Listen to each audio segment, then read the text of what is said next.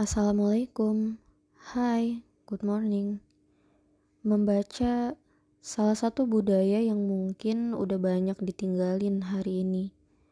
Atau lebih tepatnya berganti sesuai zaman yang mungkin udah lebih memudahkan.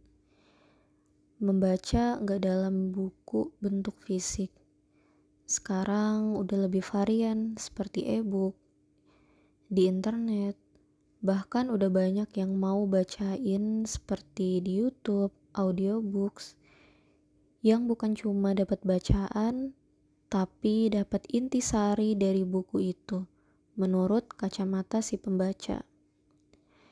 Tentunya selain jadi mudah, juga menyenangkan ya. Karena itu, anak-anak muda zaman sekarang pada pinter-pinter nih, punya banyak keilmuan bahkan melewati dari usianya. Yap, it's a learning process. Ada plus minusnya dengan kebanjiran informasi yang bisa didapetin melebihi batas otak manusia sebenarnya. Ada bad and positive impact to our mind, mental health. Tinggal manusianya yang pandai-pandai memilah dan memilih. By the way, kalau saya lebih suka baca bukunya secara fisik, walaupun kadang harus nelan mentah-mentah paham atau enggaknya. Tapi asik aja gitu, ada effort untuk habisin chapter per chapter.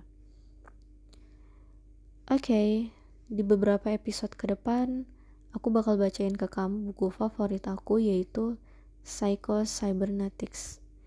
Ya, ini menurut aku ya adalah salah satu buku induk dari berbagai buku-buku self-improvement yang ada selama yang udah pernah aku baca sih. Mereka-mereka itu, para penulisnya pasti udah baca this old book.